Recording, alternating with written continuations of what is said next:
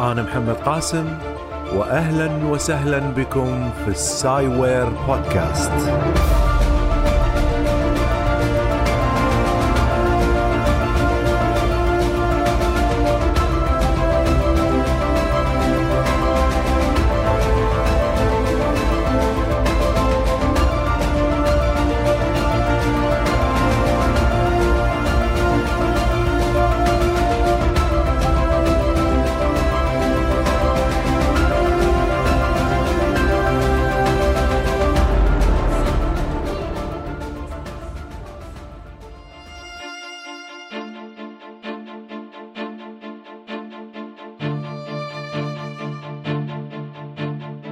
لقد هبطت المركبة إنسايت على المريخ وصفق العاملون بناسا بحماس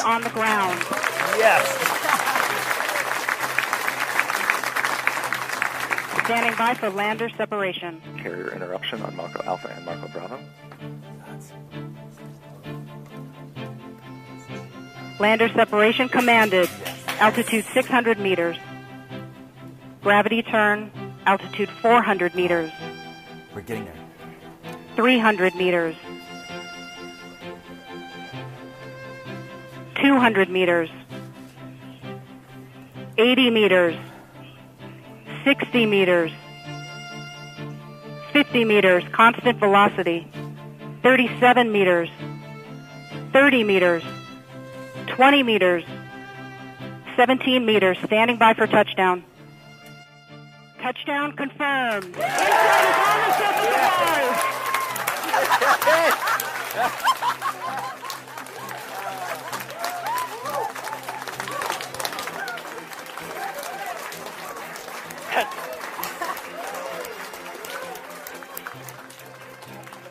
ثم وزع الفول السوداني على العاملين كعادة تجرى حينما تنجح مهمة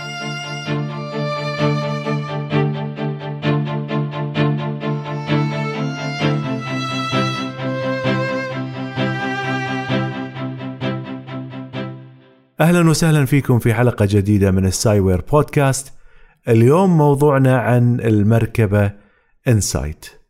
المركبة التي هبطت على المريخ، بس قبل أن أبدأ بذلك أود أن أشكر ال Patreons الداعمين لي على www.patreon.com slash sciware أو www.patreon.com slash sciware شكرا لكم جميعا على دعمي في هذا المكان. والآن سأخبركم عن الشيء الذي ذكرته عدة مرات أني راح أسوي أو راح أقول لكم عنه خبر. هذا الخبر طبعا اتخذ قرار فيه قبل فترة وكان عندي هدف من هذا الخبر أو عندي هدف من القيام بالشيء الذي سأخبركم به الآن. وهو أنني تركت عملي أو قدمت على تقاعد والآن أنا أصبحت متقاعد خلاص. هدفي من هذا هو أن أنشر العلم، أتفرغ لنشر العلم سواء من خلال السايوير بودكاست أو من خلال البرامج التلفزيونية أو من خلال تويتر أو من خلال الكتب وما أشبه. أشوف نفسي على الأقل في هذا المجال أفضل بكثير. في نشر المعرفة في العالم العربي أفضل بكثير من أني أكون منشغل بالكلية. وإن كان هناك أيضا أنا أنشر العلم لكن مقيد بنشر العلم بطريقة محددة. أما الآن أنا أشوف أن التأثير اللي صار لي فتره أقوم به أكبر بكثير من التأثير اللي أقوم به في الكلية. فهذا الخبر اللي كنت أنا ما ما أتكلم فيه إلى الآن إلى أن أصبح خلاص مؤكد. فأنا تقاعدت حتى أتفرغ لسايور بودكاست والبرامج الأخرى حتى أنشر العلم بأكبر قدر ممكن حتى ما ما أنشغل بشيء آخر.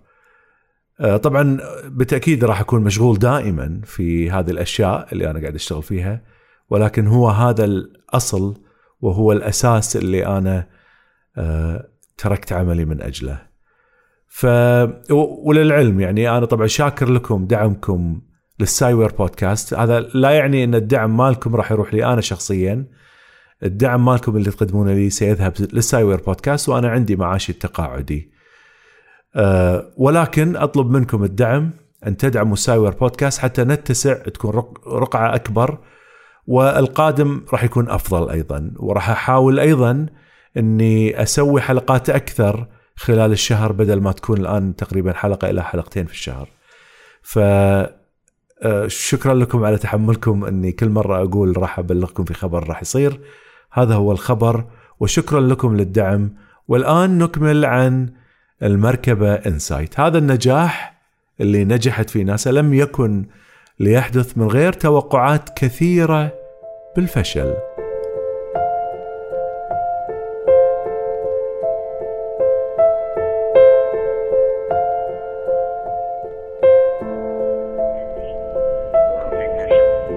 دعونا من إطلاق الصاروخ اللي حمل المركبة وانطلق من الأرض فهناك أمور كثيرة حدثت بعد أن وصلت المركبة إلى المريخ وبعد أن بدأت بالنزول في أجواء المريخ إلى أن هبطت على السطح. كل مرحلة من المراحل يطلق عليها اسم EDL أو Entry Descent and Landing يعني الدخول النزول والهبوط مراحل مكونة من مراحل مصغرة كلها خطيرة وفي كل مرحلة كانت هناك إشارات تطلقها المركبة لإبلاغ ناسا إنها اجتازتها بسلام. كلها كانت تضع العاملين في ناسا في حالة قلق شديد جدا. ورغم الترقب والقلق نجحت المهمة في النهاية ونزلت المركبة بسلام وكانت جميع الأجهزة سليمة. بعد ان هبطت المركبة إنسايت على السطح بتاريخ 26 نوفمبر 2018 التقطت صورة للأرض باستخدام كاميرا في الأسفل عفوا صورة للمريخ باستخدام كاميرا أسفل المركبة. التقطت الصورة ولم يزل الغلاف. الشفاف يغطي عدسة الكاميرا. كانت الصورة منقطة بسبب الغبار المتطاير عليها من أثر النزول بالدفاعات أكو دفاعات هناك دفاعات لما كانت المركبة تنزل إلى الأسفل اشتغلت هذه الدفاعات بعد أن المظلة يعني خ... نرجع مرة ثانية. مظلة في البداية انفتحت.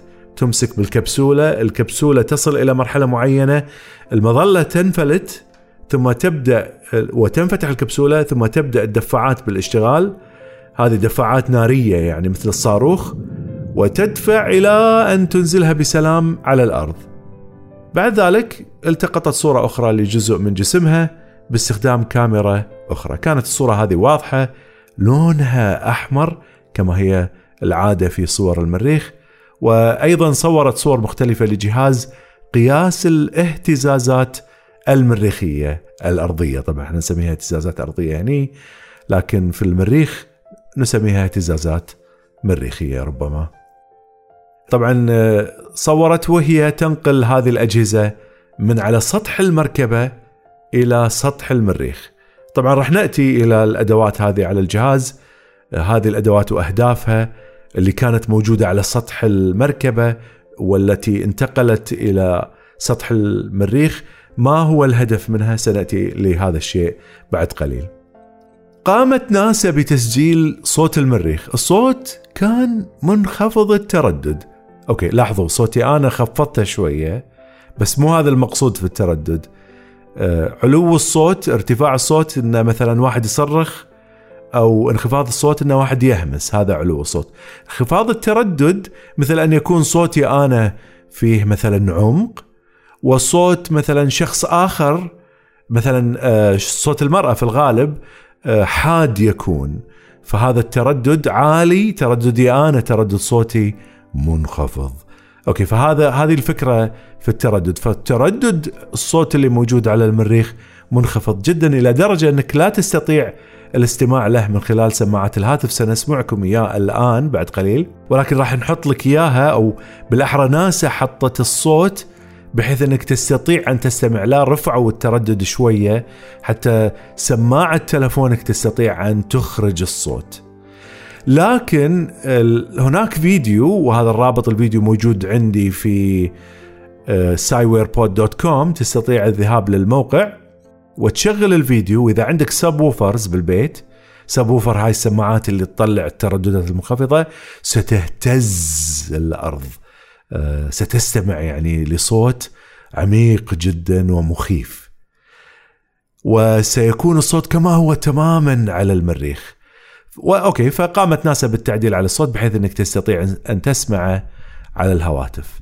فرفعت التردد قليلا وهذا هو الصوت الآن الذي يمر على المركبة.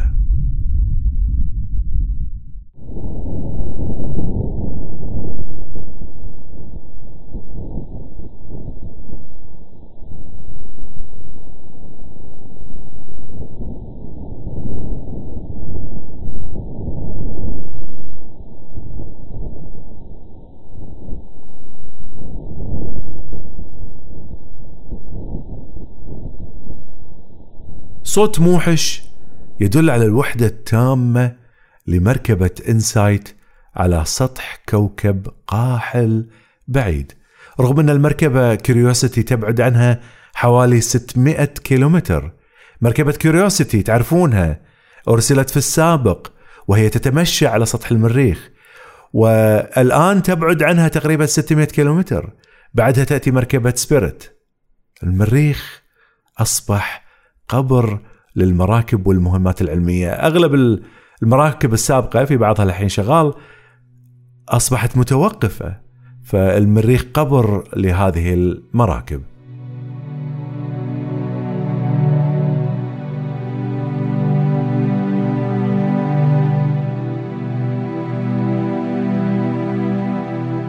انطلق إنسايت بتاريخ 5 مايو 2018 بعد عدة تأخيرات طبعا انطلق من الأرض وسبح في الفضاء في الصاروخ ووصل إلى المريخ بتاريخ 26 نوفمبر يعني بعد تقريبا ستة أشهر و21 يوم. ثم بدأت المركبة رحلتها بالنزول. ولكن ما لا يعرفه الكثير ممن يتابع أخبار إنسايت هو أن المركبة لم ترسل لوحدها إنما أرسل معها قمرين صناعيين مكعبين من الحجم الصغير. أطلق عليهما اسم MarCO A و B. MarCO Mars Cube 1 اثنين A و B. عبرت ناسا عن القمرين باسم WALL-E و EVE إذا تذكرون آه، فيلم والي المشهور رسوم متحركة 3D سموهم على هذه الأسماء. كان الهدف من إرسال هذين القمرين هو إرسال إشارات من المركبة إلى الأرض. ليش؟ لأن الموقع اللي راح تنزل عليه المركبة محجوب عن الأرض أثناء النزول فالمركبة انسايت ترسل معلومات أثناء نزولها إلى القمرين ماركو والقمرين يرسلان هذه المعلومات طبعا بعد معالجتها عليه آه، بالداخل بداخل القمرين ترسلها إلى الأرض وبما أن الأرض أيضا تدور حول نفسها ستحجب الولايات المتحدة من الإشارة أو حجبت بالأحرى الحين خلص هذا الموضوع حجبت من الإشارة المرسلة وتلتقط بمدريد إسبانيا التقطت بمدريد إسبانيا ثم أرسلت إلى ناسا. فيعني أنتم عارفين هذه الأشياء كلها مخطط لها حتى قبل وصول المركبة إلى المريخ بأشهر عارفين أن أمريكا ستحجب والإشارات ستصل إلى إسبانيا وإسبانيا ستوصل إشاراتها إلى يا سلام يعني شنو هالعلم؟ أوكي. بعد أن يقوم القمرين بإرسال الإشارات إلى الأرض راح يمران طبعا على المريخ ويغادرانه ولن يدوران حوله. اذا خلاص رحلة واحدة و وليس لهما تأثير على نجاح مهمة إنسايت، كان بس هذا هو الهدف وكانت مناسبة لإرسال المعلومات الأولية للهبوط وكانت هذه المرة الأولى اللي أرسلت فيها ناسا CubeSats الأقمار الصناعية المكعبة الصغيرة بعيدا عن الأرض العادة نلاقيهم في مدار الأرض. هذه المرة بعثوها إلى المريخ كتجربة. لأن العادة الأقمار الصناعية التي ترسل وهناك أقمار صناعية حول المريخ عادة تكون بأحجام كبيرة بالمقارنة. واجهت المركبة إنسايت مخاطر كثيرة أثناء الهبوط فكما في حالة هبوط المركبة كيوريوسيتي سابقا كانت الإشارات اللي ترسلها متأخرة بقدر ست ونص دقائق كانت كيوريوسيتي سبع دقائق هذه ست, ست ونص دقيقة على حسب المسافة بينها وبين الكرة الأرضية. يعني كل ما تعرف ناسا عن المركبة متأخر بهذا القدر. لأن الحد الأقصى لسرعة الضوء أو الإشارات الكهرومغناطيسية اللاسلكية هي 300 ألف كيلومتر. في الثانية سرعة ضوء والمسافة بيننا وبين المريخ بالملايين من الكيلومترات فتتأخر الإشارة. فهذا يعني أن لو حدث أي خلل في المركبة أثناء نزولها أثناء المراحل ما راح نعرف عن الخلل إلا بعد ست ونصف دقيقة. لذلك المركبة اعتمدت تماما على نفسها في النزول على السطح. هذه كانت هي المرة الثامنة اللي تنجح فيها ناسا في إنزال مركبتها أو مراكبها على سطح المريخ من بين 18 مرة. طبعا أوكي. الحين أنا قلت الرقم هذا أخذت الرقم من أحد المسؤولين في ناسا أثناء البث المباشر على يوتيوب لكن أنا بحثت عشان أتأكد من دقة المعلومة يعني تصوروا أحيانا يعني هذا paragraph واحد أنا كتبته حتى أقرأه حتى يكون على البودكاست. قضيت فيه تقريبا يوم كامل وما عرفت أطلع الرقم الصحيح. ترى على فكرة يعني المعلومات اللي أنتم تسمعونها على Sciware Podcast أحيانا paragraph واحد أقضي عليه أو فقرة واحدة أقضي عليها ثلاث أربع خمس ساعات يوم يومين ثلاثة إلى أن أتأكد من دقة المعلومة. في هذه الحالة ما استطعت. حاولت يعني رحت بحثت عنها سويت لي جدول على إكسل وطلعت المهمات وحطيت النج... اللي ناجح منها واللي فاشل. المشكلة لأن كثير من الدول بعثت روسيا أيضا بعثت إلى المريخ. فما عرفت ضيعت الأرقام ما عرفت شنو الصحيح بس ناخذها الآن من مسؤول ناسا أحيانا قد يكون نسى رقم أو شيء من هذا أنا ما أدري أو قد يكون دقيق جدا لكني ما عرفت أطلع الإجابة الصحيحة ولا أتأكد منها. Okay الآن نأتي إلى هدف المهمة.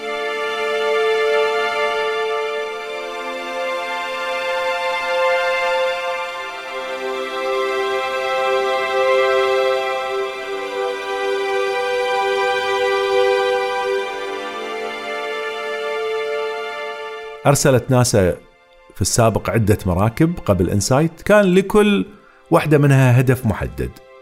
فمثلا المركبتين أوبورتونيتي و سبيريت كانت للبحث عن الماء في مناطق محددة. كذلك كيوريوسيتي بحثت عن مواد عضوية مثلا.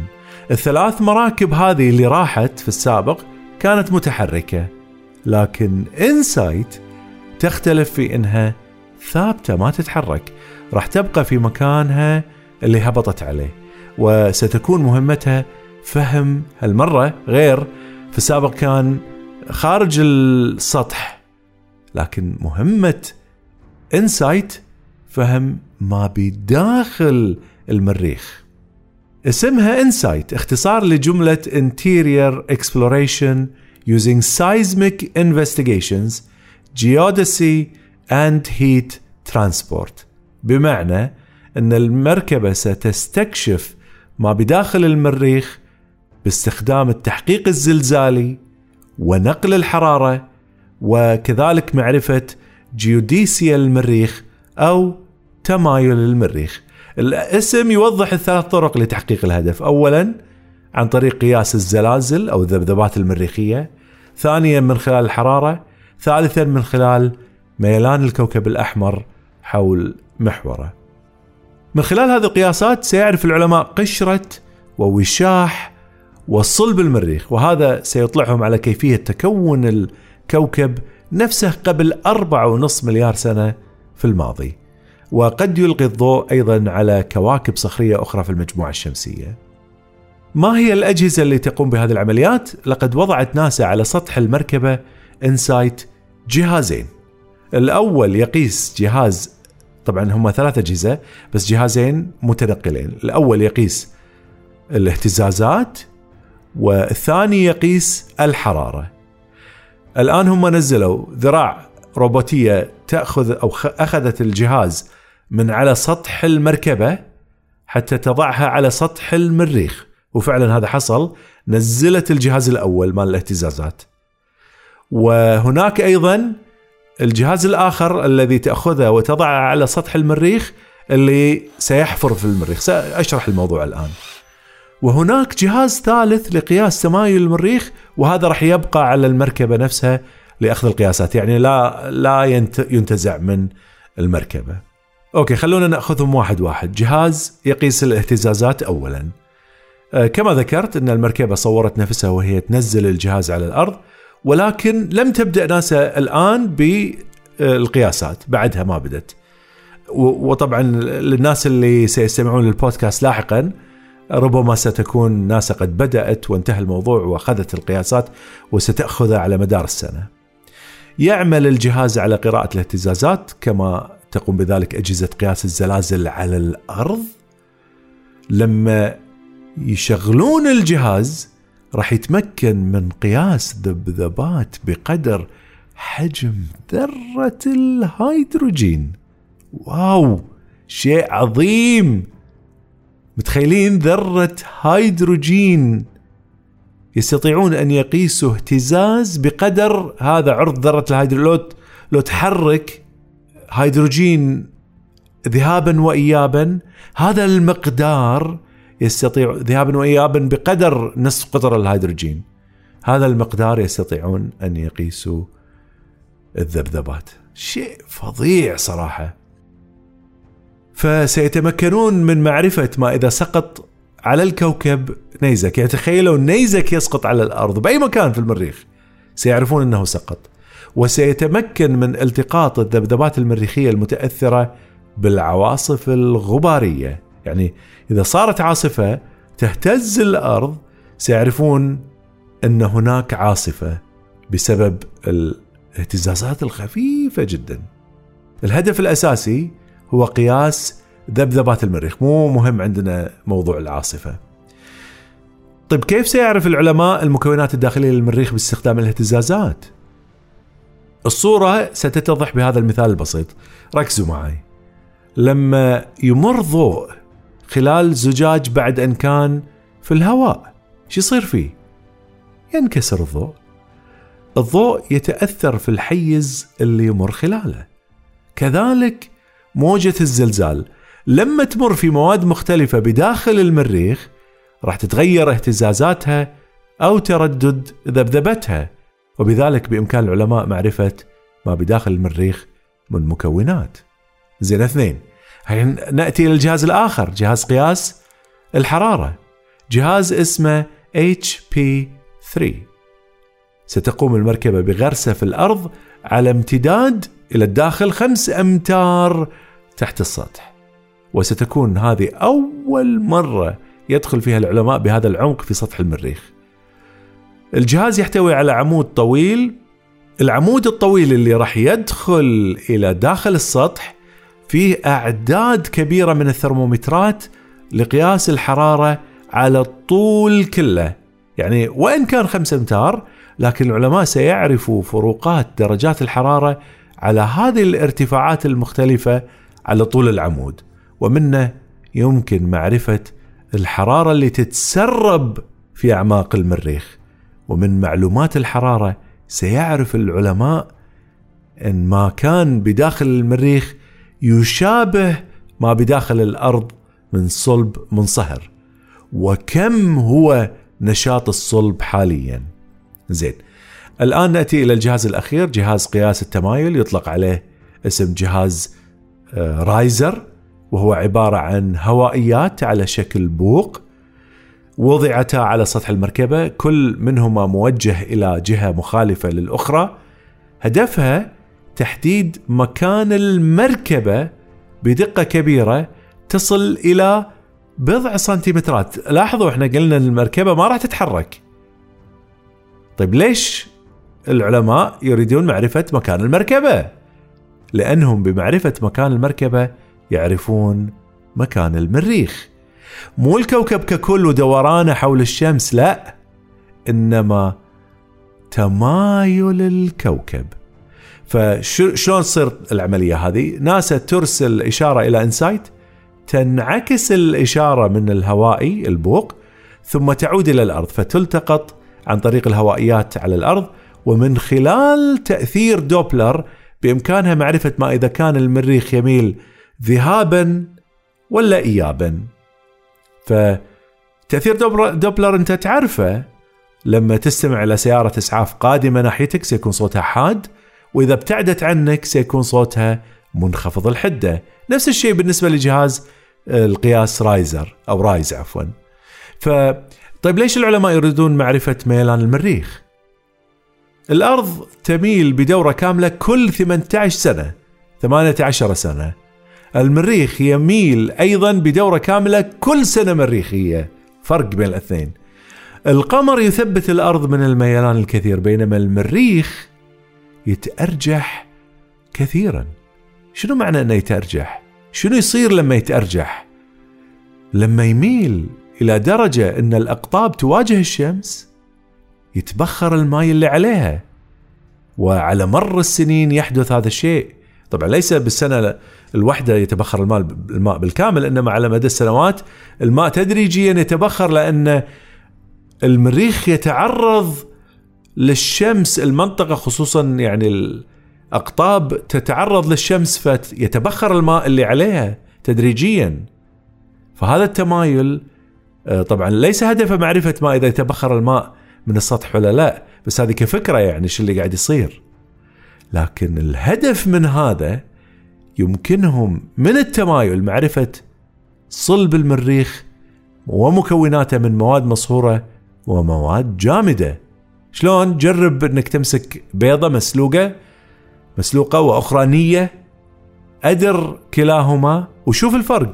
راح تلاحظ الفرق في دوران كل واحدة جرب هذا عندك الصبح بكرة الصبح أو اليوم الصبح إذا أنت صاحي مبكر مبكر. أخذ لك بيضة اسلق واحدة واترك الثانية غير مسلوقة وأدرهما على الطاولة وشوف الفرق بين حركة البيضتين. فنفس المبدأ هذا سيعتمد عليه العلماء لمعرفة ما بداخل المريخ. يا سلام! يا سلام! يا سلام على العلم!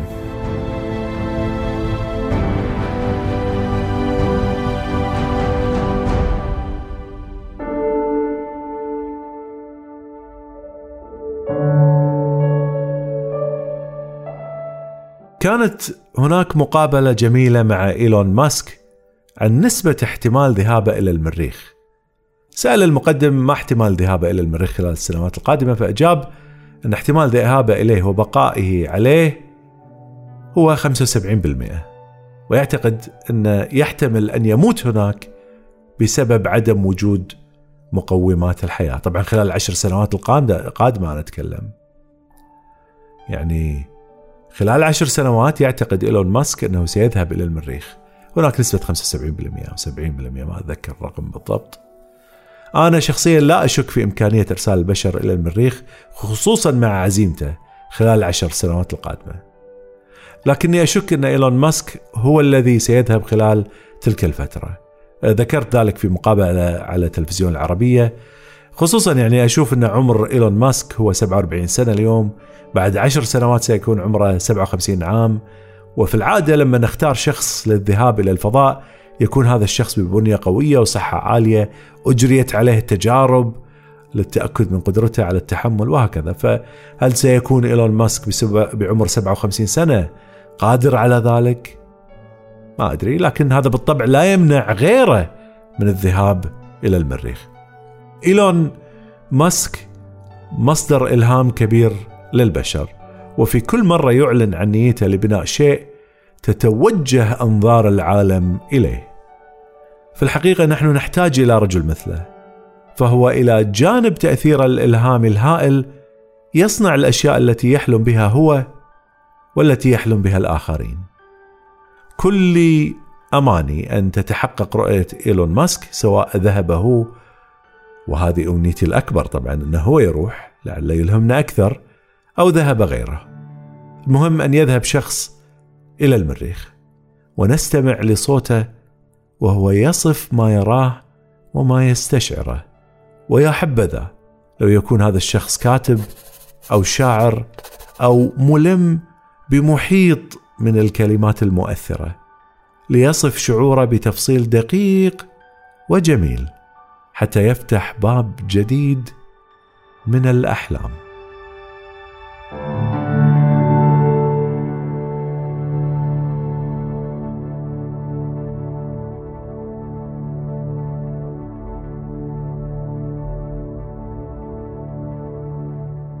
لكم للاستماع والآن نأتي إلى الباتريونز الذين دعموني خلال الفترة السابقة.